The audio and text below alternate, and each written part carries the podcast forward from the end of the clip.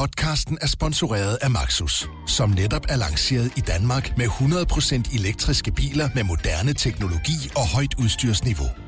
Find din forhandler på maxus-danmark.dk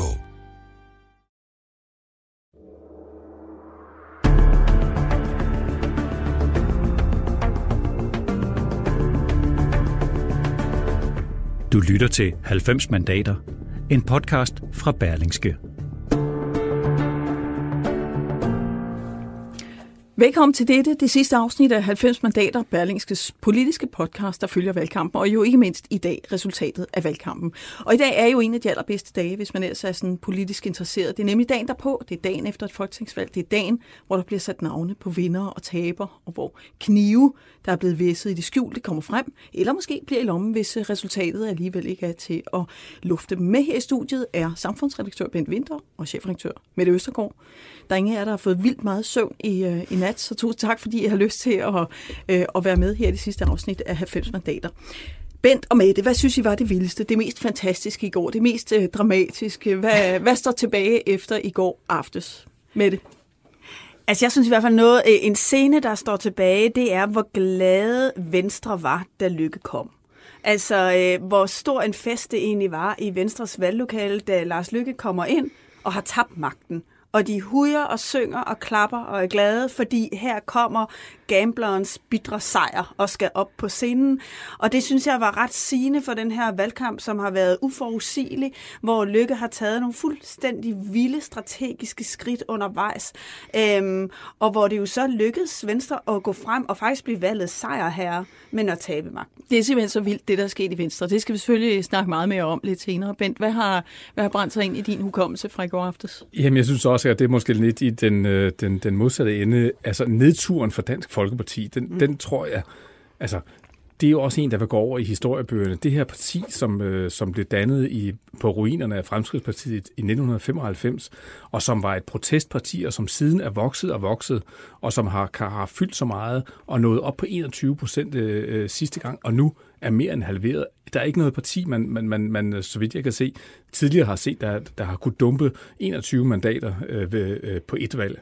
Men, men Bent, vil du i virkeligheden sige, at 20, måske 2011, i hvert fald 2015-valget, der hvor det, hvor det hele bliver gult, er en anomali? Altså at vi i virkeligheden er tilbage til hvad skal jeg sige, et politisk system måske i virkeligheden, som ligner noget fra før, øh, fra før FOG, fra før 2001? Men det er jo det, vi hele tiden spørger os selv om, hvor, hvor, hvor langt svinger de der pendul, pendul ud. Men hvis man kigger i resten af Europa, så har vi jo altså partier, som ligner Dansk Folkeparti, som kun går frem og frem og frem. Ikke? Altså, jo.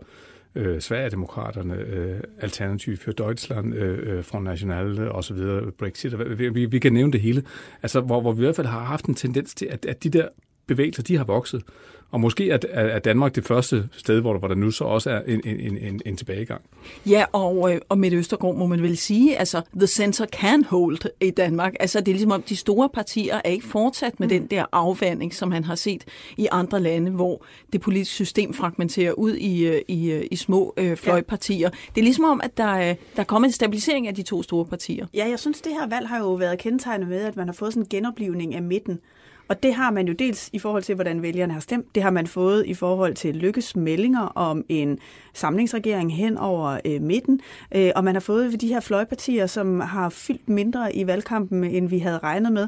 Det er jo enormt interessant at se på et Danmarkskort fra for fire år siden med det gule Danmark, som nu er væk. Mm-hmm. Øh, og det tror jeg netop, det var en tendens, som ingen af os havde set komme. Nu taler jeg med svensk tv for nogle dage siden, som var virkelig optaget af, hvad der foregår i Danmark. Mm. Man har været vant til, at, mm. øh, at de øh, de tendenser, øh, de bare gik frem og frem, som du også nævner, Ben. Ikke? Og mm. lige pludselig er der noget, som går den anden vej, og vi så det jo også ved Europaparlamentsvalget, hvor det var de EU-skeptiske partier, som gik tilbage, øh, hvor vi har været vant til, at det måske var det nationale, det der lukkede som sig selv, det var det, der hele tiden voksede. Og nu er der nogle tendenser, som går mod en anden grad åbenhed, og nogle klassiske midterpartier, som er vant til at tage ansvar, som lige pludselig står ind og har magten. Og mm. hvordan de så får den fordelt, det bliver spændende. Men det er i hvert fald en anden dynamik, der er sat i gang. Ja, må ikke. Og ironisk nok kan man sige, at valgkampen har været præget af, af flere partier end nogensinde. Så, så det har været meget en kakafoni, men når vi kigger på resultatet, så er det i virkeligheden en stabilisering øh, omkring øh, midten, som du siger, Mette. Men lad os så tale om øh, Mette Frederiksen. Altså, hvad er det for en opgave, der venter hende i de kommende dage? Fordi jeg kan egentlig se for mig, at øh, at der, der er nogle knaster, som er, som er svære at komme hen over. For eksempel pensionsspørgsmålet med, øh, med de radikale, som er, som er besat af arbejdsudbud. Ikke? Øh, den er i hvert fald vanskelig øh, for hende, øh, med Østergaard. Hvad ser du ellers af af ting, hvor man siger, okay, her kommer, her kommer hendes forhandlingsevner altså virkelig til at stå en prøve. Jamen, vi er jo nede på de to centrale emner, som normalt dominerer dansk politik, og det er udlændingepolitik, og det er økonomisk politik. Det er de to kæmpe store knaster, altså hvor der er emner inden for hvert emne, men som kommer til at være virkelig vanskelige i de her forhandlinger. Som du siger, arbejdsudbud i forhold til den økonomiske politik, det vil radikale gerne have mere af. De vil gerne have flere ud i beskæftigelse. Mette Frederiksen siger meget De vil have tydeligt. pensionsalderen op i virkeligheden. Yes, og det betyder, at man skal lave noget, der ligner sådan en efterløn ind ad bagdøren, som de radikale var stærkt begejstrede for at få afskaffet. Så det er virkelig hjerteblod, vi er inde og tale om her. Og så er der så udlændingepolitikken, mm. som jo er et kapitel for sig. Men så tænker jeg egentlig bare, altså, jeg har ikke været her i nat, så jeg havde det privilegium at gå, gå tur med min hund i morges og lige få samlet tankerne. Og så tænker jeg på, kan Mette Frederiksen ikke give øh, Morten Østgaard en hel masse lunser, som i virkeligheden ikke betyder noget.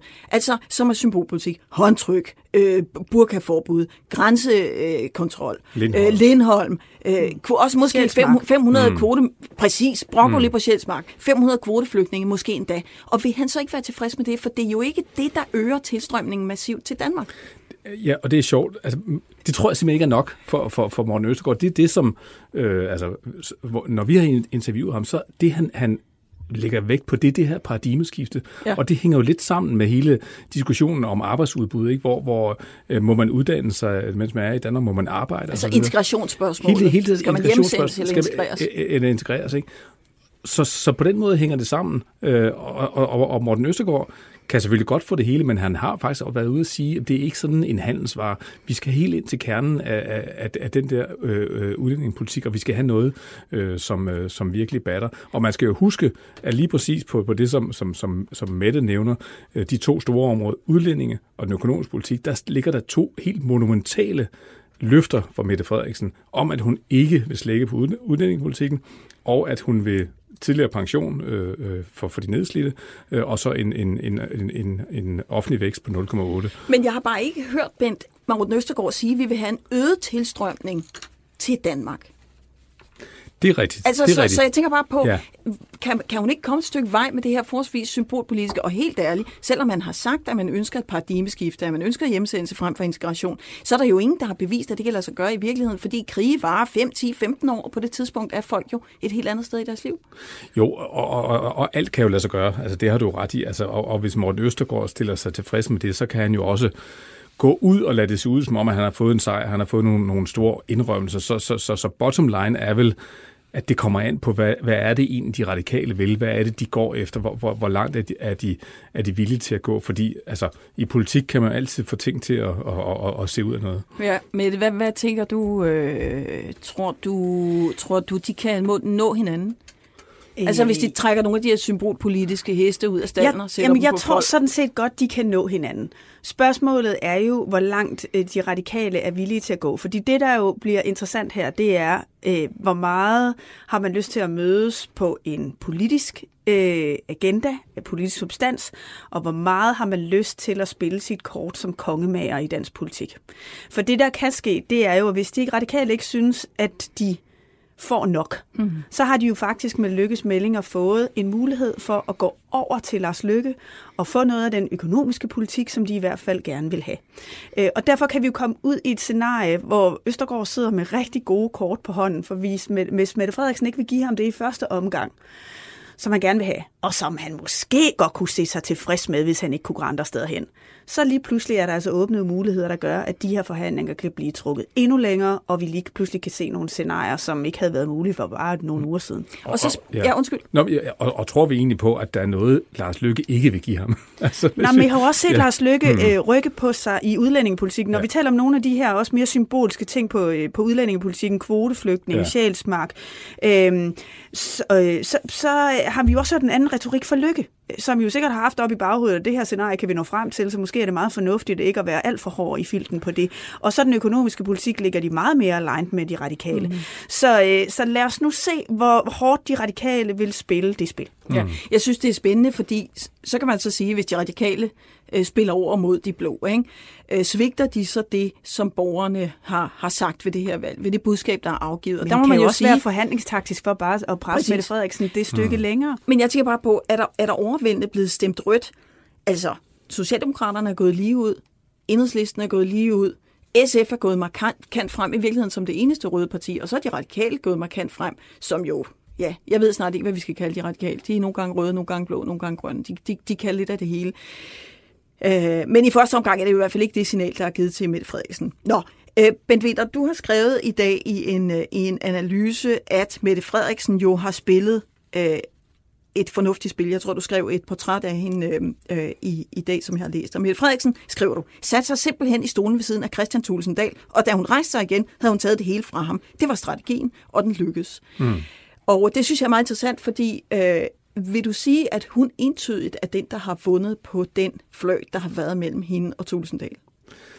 Øh, ja, det vil jeg sige. Det vil jeg sige. Altså det, det, og, og, og, og, og Dan Folkeparti har måske ikke helt gennemskuet, øh, hvad der var i gang, men, men, men hvis man ser på, på Socialdemokraternes kampagne også, øh, altså før øh, altså som blev forberedt allerede før øh, øh, Mette Frederiksen tog over som, som, som formand, så har det været at flytte sig på det her udligningsområde, og det har været at gå ind og gafle de her stemmer, som... som Måske som gamle var, socialdemokrater, gamle, gamle socialdemokrater, som, som, som i, i, i nullerne øh, og, og 90'erne var flyttet over til, til, til Dansk Folkeparti, som nu skulle tilbage. Og der, skulle, der har udlændingepolitikken været den, øh, den helt centrale øh, område, og, og hun har brugt alle sine kræfter på at flytte sig og gøre det overbevisende til rundt i landet, fortælle om sin nye politik.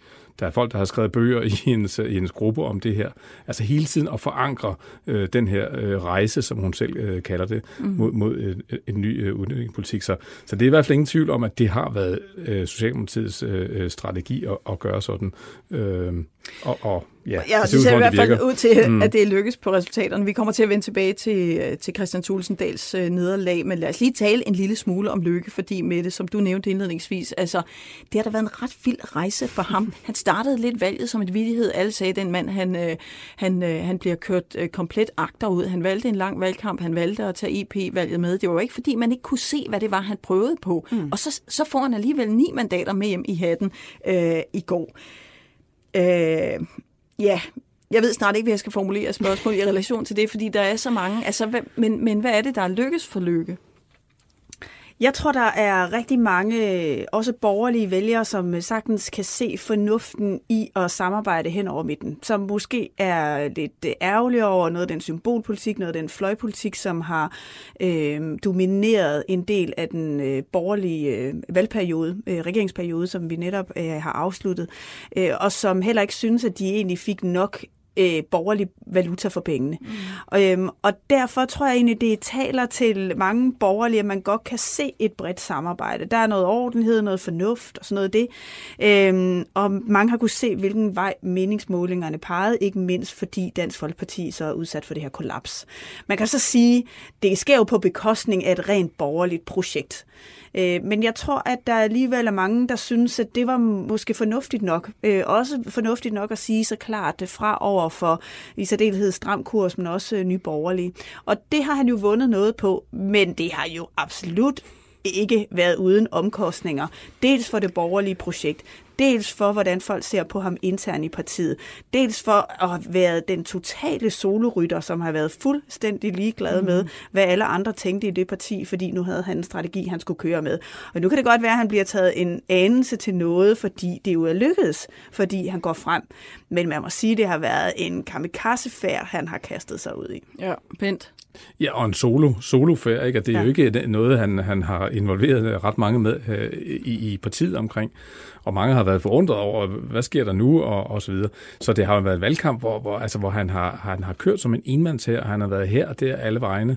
Øh, og så kan det så, kan man sige, øh, kronet med, med det, her, det, det her resultat. Så jeg tror, en af grundene til, at det måske også, at han slipper afsted med det, er, at, man, at, at, at mange jo har også en fornemmelse af, at, at det borgerlige projekt lå i ruiner lidt i forvejen. Man, vi havde hele de her øh, stridigheder mm. mellem øh, Dansk Folkeparti og Liberal Alliance, og op i træet og ned igen, ja. og, og, og, og, og så videre. Så det har jo langt fra været nogen harmonisk øh, tid, øh, Lykke har, har, har stået i spidsen for Nej, de sidste det vil nok år. være det sidste ord, jeg vil vælge, øh, tror jeg. Men, men øh, altså til, til sidst her i valgkampen har vi jo også ligesom haft, haft den der boblende formandsdiskussion, som næsten ikke har været til at holde nede. Næstformand Christian Jensen i går på, mm. øh, på trappen. Han kan næsten ikke få sig selv til at sige, selvfølgelig er Lars Løkke formand i, i morgen. Øh, det, det, han kan simpelthen ikke få det over sine læber.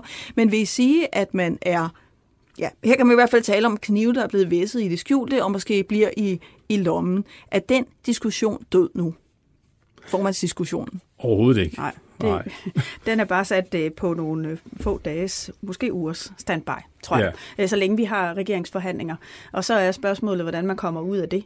Jeg tror, der er mange, der vil have det sådan, at hvis Lars Lykke ikke formår at blive statsminister, og det må man sige, det ser vanskeligt ud, så tror jeg, der er mange, der ikke ønsker, at han bliver som formand for Venstre. Altså fordi han egentlig har behandlet sit parti og sine venner, måske også sine fjender, ikke specielt godt. Ja, han har jo kørt det solorit, som, øh, som Bent også taler om, og det tror jeg, der er mange, der har haft svært ved at kunne identificere mm. sig med undervejs. Men om Lykke er samme opfattelse, det tror jeg, man skal sætte et stort spørgsmålstegn ved. Fordi han stod i går og lignede en sejrsherre, havde skaffet fremgang til sit parti. Øh, og om han har lyst til at blive på posten, altså det vil jeg sige, det er jeg da blevet noget mere tvivlende over mm. for efter i går. Altså, er du i tvivl om, han selv vil gå, eller om ja. han har lyst til at blive? Ja, ja, Begge dele. jeg, jeg, tror, øh, jeg tror, der er en, en højere grad af sandsynlighed for, at han har lyst til at blive, og han har lyst til at fortsætte som formand for Venstre. Mm. Og det må vi så se, hvordan det eventuelt bliver modtaget. Mm.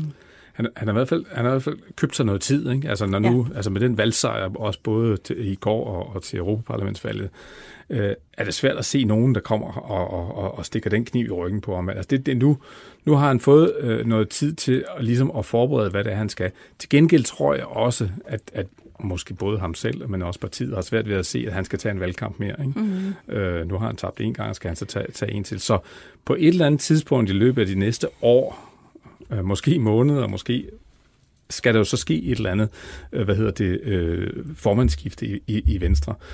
Og vi ved jo, at øh, Lars Løkke jo øh, helst ikke vil have Christian Jensen, og så skal man finde en anden kandidat, og hvem skal det være? Så, så altså, det er jo hele det spil, der, der, der, der går i gang nu. Mm. Øhm, Venstre startede jo som en etpartiregering, og skal vi ikke lige høre et klip af øh, Jens Rode, radikal Jens Rode, som jeg havde besøg af forleden dag her i 90 mandater, fordi han taler nemlig om det der med vanskeligheden ved en etpartiregering. Skal vi ikke lige høre det klip? Men Anders Fogh Rasmussen sagde bare altid dengang, da vi unge gerne ville noget andet end det, der var på bordet. Så sagde han altid, I skal bare vide én ting. En etpartiregering har kun fjender omkring sig, og den holder ikke ret længe i et parlamentarisk system, hvor spærreprocenten er to. Ja, Mette Østergaard, altså det, sådan her sagde Jens Rode forleden dag, og det er jo selvfølgelig fordi dengang i gamle dage, der var han jo der er han venstremand, og nu, og nu, han, øh, og nu er han radikal og sandsynligvis ja. kommet ind. Øh, det, det ved vi selvfølgelig ikke helt endnu. Men altså, øh, det lykkedes ikke for Lykke at skabe en harmonisk etpartiregering. Det er meget klart det, som øh, Mette Frederiksen går efter.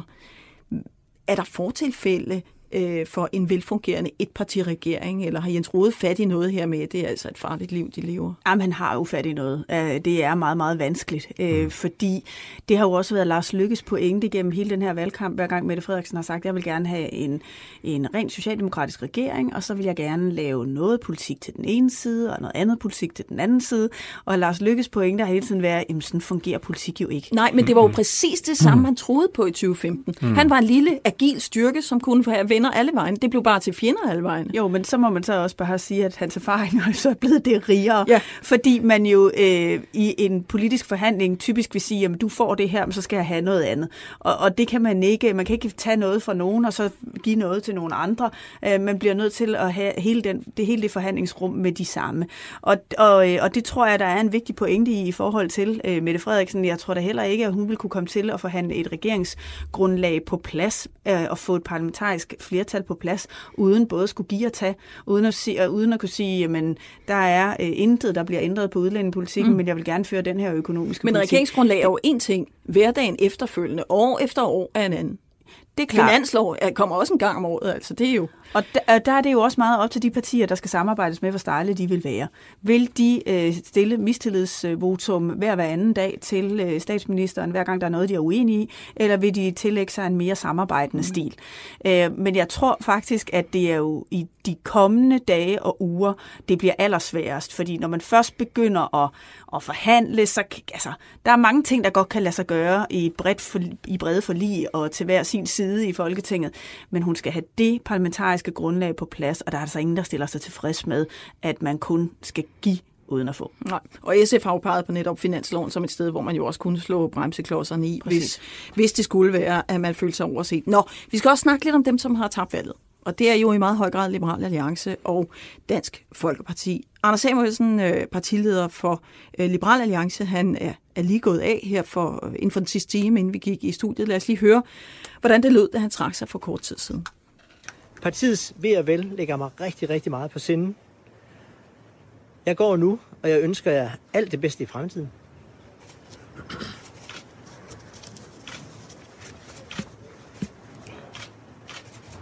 Og mit liberale hjerte vil altid arbejde for, eller kæmpe for og tro på, at Danmark faktisk bliver et bedre sted med en lidt mere liberal retning. Ja, og baggrundsmusikken for det her klip, det var jo altså, at, øh, at øh, medlem af folketingsgruppen Henrik Dahl øh, startede morgenen med øh, at rette en markant kritik, talt om nepotisme fra Anders Samuelsens side, altså når man gør sin søster og sin ven til minister uden at skille til faglige resultater. Det var nogle helt forkerte øh, regeringsposter, der var blevet taget, ministerposter osv., så, videre. så så virkelig en massiv kritik, øh, og øh, hvis vi taler om solo-rit øh, for at lykkes vedkommende, så tror jeg også, det gælder for Anders Samuelsens vedkommende. Øh, Bent Winter, hvad vil du sige af hovedforklaringerne i Samuelsens nedtur, som jo er så eklatant, at han faktisk ikke selv, endda som udenrigsminister, som er en ekstremt populær øh, ministerpost, mm. ikke engang kan få sit eget mandat hævet hjem? Altså, jeg tror sådan set, det er den simple øh, forklaring, at, øh, at Liberale Alliances øh, vælgere øh, øh, er øh, meget principfaste og så øh, i Liberal Alliance et, øh, et protestparti, som gik ind med nogle, øh, nogle, øh, nogle liberale idealer, øh, både den økonomiske politik, men også en frihed mere bredt øh, øh, for, for, forstået i forhold til rygelov og hvad, hvad vi er, hvad, hvad vi ellers har diskuteret.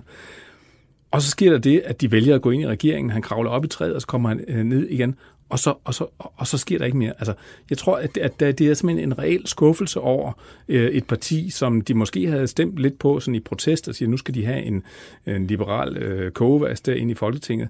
Øh, og, og, og, og så spiser man sig af med nogle, øh, nogle minister, øh, ministerposter. Jeg, jeg, jeg tror, det er, det, er, det er hovedforklaringen. Men altså, at der simpelthen er kommet lidt, for lidt ud af det, sådan reelt politisk. Du tror ikke, det er det her med Anders Samuelsens stil, altså nogle meget øh, ja, ultimative krav, det her med at komme, øh, komme op, i, op i træet og, og, og ned igen, og øh, altså det her med måske også nogle ministerier, som ifølge Henrik Dahl rager vælgerne en høstblomst.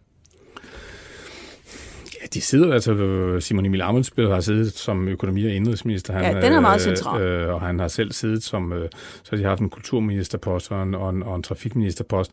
Det kan der selvfølgelig godt være noget i. At så var det, der det med ældreministeren, som og så var der ældreministeren. Og det tror jeg sådan set også er trukket ned. Jeg tror også, at mange liberale øh, vælgere har tænkt, hvad pokker, hvad pokker sker der der? Ikke? Altså, der sidder en, ja, især en hvis man vil bekæmpe byråkrati. Øh, ja, ja, ja. Øh, og, og offentlig vækst øh, og, og, og meget andet. Øh, men, men, men jeg tror, jeg, jeg tror det, er, det er et parti, som på en eller anden måde har, har, har, har solgt sin sjæl for, for nogle ministerposter, mm. og, så, og så er der jo så også kommet andre til. Ikke? Altså, øh, øh, nye borgerlige. Altså nu ser det ikke ud som, det er dem, der har taget øh, de fleste stemmer, men det er faktisk er, de konservative, der har, der har taget mange stemmer, især i Nord- Nordsjælland, hvor mm. Liberale Alliance øh, stod stærkt. Men, men nye borgerlige, kan man sige, taler måske mere ind i en, øh, en lidt mere sådan protestagtig øh, liberalisme, mm. end, end Liberal Alliance gør efter, efter fire år eller tre år i regeringen. Men hvad siger du til det her? Fordi den bog, der er blevet udgivet om Anders med Samuelsen i valgkampen, der, der hoverer han jo næsten over, at de fik alle de her ministerposter, seks mm. tror jeg, de fik, og, og, og, og de konservative ville kun have tre. Men er der noget om det her med, at de konservative i virkeligheden i forhold til deres opland, til deres politik, har været meget mere præcise i det valg af justitsministerposten, erhvervsministeren og så socialministeren? De skulle ikke have andet for at holde sig flydende. Det er meget præcise mærkesager for ja. de konservative, som de har formået at profilere sig på gennem øh, de ministerposter. Jeg tror også, der er noget omkring stilen. Fordi når man ser på, øh, hvordan Liberale Alliance går markant tilbage i det nordsjællandske, øh, mens de konservative går frem. Altså, jeg tror simpelthen, der sidder nogle borgerlige, der har det sådan, ved hvad, man kravler ikke op i træet for at få sin vilje. Man opfører sig ordentligt. Ja, der gik Men, lidt for øh, meget børnehave i det. Ja, jeg tror simpelthen, at der er, der er noget om stilen og noget om måden at gå til politik på, øh, øh, som, som jeg tror, der er mange, der egentlig ikke har kunne identificere sig helt med. Og, øh, og det tror jeg også kan give et bagslag, i hvert fald når man ser på, hvor, hvor kan de konservative så til gengæld er vokset. De har jo tydeligvis taget en del af Liberale Alliances vælgere. Men på en eller anden måde lyder det som om borgerne er lidt, eller vælgerne er lidt klogere end politikerne på Christiansborg, fordi det lyder som om, de, kan, de, de forstår godt, at, at politik er kompromiser, øh, men har måske været træt af at, at sidde og se på det der med, at Liberal Alliance har rokket båden i det borgerlige Danmark, så, så man jo Jamen, massivt har taget også, øh, vand ind. Ikke? Jeg tror også, at der er rigtig mange borgerlige vælgere, som er frustrerede over det forløb, som jo satte i gang i det borgerlige kollaps. Altså hvis vi husker den finanslov, hvor øh, Liberal Alliance ville have skattelettelser, mm. Dansk Folkeparti nægtede. Altså de to partier, som egentlig kickstartede det borgerlige kollaps, er de to partier, som for alvor bliver straffet ved det her valg. Mm. Hvorimod de konservative, som måske har haft sådan lidt mere steady tilgang til at få resultater igennem, øhm, jo går frem. Mm. Øhm, og, og der er noget med den måde at, øhm, at være, hvad skal man sige, lojal over for det borgerlige projekt, som jeg tror... Øh, at man opfatter ikke Liberal Alliance så, øh, som øh, lojal nok mm. egentlig over for nogle af de værdier, der har været afgørende. Så kan man godt være protestparti, og man kan virkelig stå på sin ret, men der er nogle grundlæggende borgerlige værdier, som måske er glippet lidt i... Øh, i stiludførelsen. Jamen, det skulle nemlig lige til at spørge om, om det er noget, der står i kontrast til det, Bent siger med, at Liberal Alliance er et protestparti, for det her må man jo virkelig sige, at Anders Samuelsen har taget meget bogstaveligt. Øh, måske også lige bogstaveligt nok.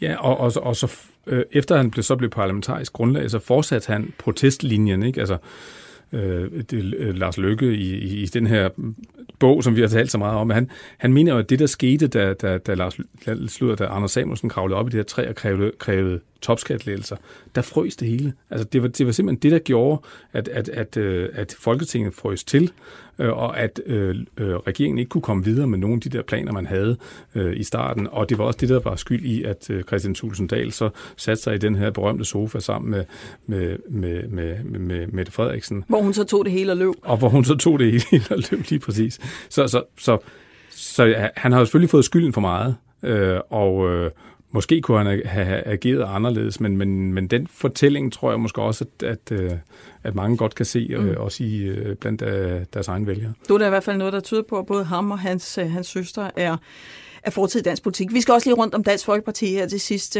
Vi har allerede været lidt inde på det øh, Tulsen. Altså forleden dag havde jeg besøgt Søren Espersen, som sagde, at han kunne faktisk ikke rigtig forstå, hvad det var, der skete, fordi øh, meningsmålingerne bar jo i den retning, og han sagde jo bare det, de altid havde sagt, og, øh, og, stod ved deres, øh, og stod ved deres mærkesager, og på en eller anden måde var der så ikke så meget resonans øh, i, i det blandt vælgerne mere. I går sagde Tulsendal noget i retning af, at måske også lige akkurat den her strid om pensionsalder og skat med Liberal Alliance har tilføjet dem et, et nederlag. Med Østergaard har de på en eller anden måde fået slået sig lidt ihjel, de to partier, DF og LA? Ja, men jeg tror, jeg tror, der er tre primære grunde til, at øh, det kollaps, øh, altså tre primære grunde til det kollaps, vi ser i Dansk Folkeparti, som jo er meget, meget voldsomt. Altså vil sige, da vi så mm. de første exit polls i aftes, og vi lå der omkring øh, 10 procent til Dansk Folkeparti, altså meget voldsomt. Ja, så kom de under 10, og så endte de under, under 9, ikke? Ja. ja, ja. Øhm, nej, men jeg tror, det, det handler om tre ting. Jeg tror, det handler om, at man jo øh, gerne vil rykke sig ind på midten af dansk politik og være et socialdemokrati. Og det, der så skete, som vi også talte om tidligere, det var så, at det var Socialdemokraterne, der kom til at æde dem i stedet for omvendt. Mm. Socialdemokraterne overtog den udlændingepolitik, som har været Dansk Folkepartis domæne i så mange år. Ja, og at jo ikke bare Socialdemokraterne. Miste... Altså, det har de næsten alle sammen Ja, gjort, Venstre ikke? har jo også adopteret den ja. udlændingepolitik. Så lige pludselig havde Dansk Folkeparti ikke den position for sig selv. Det var den ene ting, hvor de selv rykkede sig. Og så kom der de nye øh, højre øh, partier, som øh, gjorde, at lige pludselig var Dansk Folkeparti ikke det parti, som lå længst til højre i dansk politik, og de nye partier lå så langt til højre, at dem kunne Dansk Folkeparti faktisk ikke konkurrere med. Øhm, så det er også en grund. Og så er der jo Christian Thulsen Dahls person. Øh, Pia Kærsgaard har jo en karisma og en kontakt til danskerne, som rigtig mange politikere er misundelige på. Og Thulesen har haft et stykke hen ad vejen, men jeg må sige, i løbet af den her valgkamp, det er som om, han har slået fuldstændig op af banen. Han, er, øh, han virker jo på ingen måde sådan energisk. Han øh, virker som en øh, kommentator, en analytiker, der kommenterer på valgkampen, i stedet for at være øh, engageret i den. Det er ligesom om, at den energi og den netop kontakt til danskerne mm. er væk. Men hør lige her, den har Pia Kærsgaard jo også vist et par gange i løbet af valgkampen, at hun også har mistet. Det er jo det, der er så interessant ved valgkamp. Der er så meget psykologi i det. Pludselig, mm. pludselig er timingen hos Søren Pape helt rigtig. Altså, når mm. han har målingerne i ryggen, så kan han pludselig ligesom få sagt nogle ting som en vinder og sådan noget. Det er jo et ekstremt interessant psykologisk spil, det der med, hvad, hvad vej bærer pilen? For det er jo rigtigt, Dansk Folkeparti har haft et enormt greb om folkestemning. Pludselig er det lige så bare så er den bare væk. Jo, jo, og hvor, hvor forkert set det var at lige pludselig gå ud og kalde nogen for klimatosser. Præcis. Øhm, som er et af de mest overskyggende temaer i den her valgkamp, øh, hvor man jo også må sige, at det har i hvert fald også været et af de temaer, hvor Dansk Folkeparti lige pludselig har været helt ude af synk med befolkningen. Mm. Bent? Ja, så tror jeg også, de havnet i en spiral af, af lidt af den, du nævner, ikke? Altså med, med, med de her dårlige sager. Ikke? Altså vi havde den her omfartsvej og Tulebanen, og der var også nogle andre, og der var noget med øh, en, der armede i, i, i Folketinget, der blev vist ud af Pia Kjærsgaard osv. Der var ligesom en periode der, hvor der var en masse af de her dårlige DF-sager, som, hvor, hvor den ene tog den anden, hvor, hvor man også nogle gange ville måske i en god periode have sagt, at det var egentlig en meget god sag, ja. og det var sejt, han fik Pludselig det der bane igennem. i, i ansigtet øh, frem for ryggen. Ja, og så videre. Men jeg tror altså, en, en forklaring på, på nedturen er også, at, at, at, at der jo simpelthen er strammet så meget på udlændingepolitikken. Der, der, vi har virkelig strammet i mange år. Og det er svært at finde nye stramninger. Og de nye stramninger, der så kommer til, eller nye forsøg på at, at til gode se, øh, øh, hvad hedder det, øh, Jylland og provinsen, eller gøre op med eliten og folket, hele den der diskussion, alle de nye tiltag, som, som Dansk Folkeparti ligesom har, har, har sprunget på, gør, at deres politik bliver, bliver sådan underlig. Altså. Ja, du har skrevet faktisk i dag øh, i, i en analyse i Balix, det bliver for mærkeligt, altså fordi det bliver også for småt, altså fordi man er måske derude, hvor, hvor de detaljer, man kan finde, bliver for, for ulogiske på en eller anden måde. Prøv lige at forklare det med det mærkelige.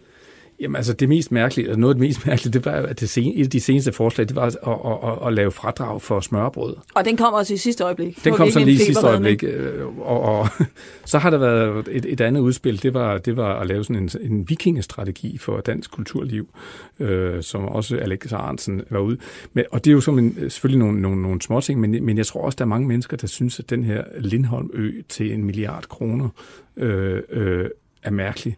Og håndtrykket øh, øh, er noget, man ligesom har fundet på, fordi nu, nu, nu skal man finde på et eller andet. Mm. Altså, øh, så, så det, jeg tror, at, at jeg tror, mange vælgere har kunne følge Dansk Folkeparti meget, meget langt hen ad vejen, og, og de har virkelig, kan man sige, haft en, en stor mission i, i, i, i dansk politik med at og ligesom manifestere, at øh, hvis vi skal have styr på, på, på tilstrømning og alle de der ting, vi skal stramme, og vi skal have en, en, en, en stram udlændingepolitik. Men, men når den ikke længere er der, og man ligesom skal ud og opfinde noget på kanten af det, mm. så, så risikerer man, at det bliver mærkeligt. Og udlændingepolitik ja. har jo afgjort en række valg i Danmark, og den her gang må man bare sige, der er ikke nok forskel på de store partier inde på midten mm. til, at det reelt har været det, der kunne afgøre valg.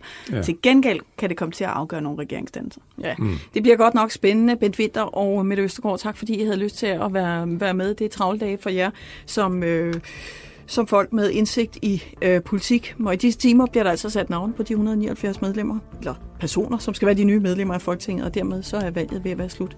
90 mandater har været med hele vejen i valgkampen, og jeg vil sige tak til alle jer, der har øh, deltaget, og ikke mindst tak til alle jer, der har lyttet med. Tak for nu.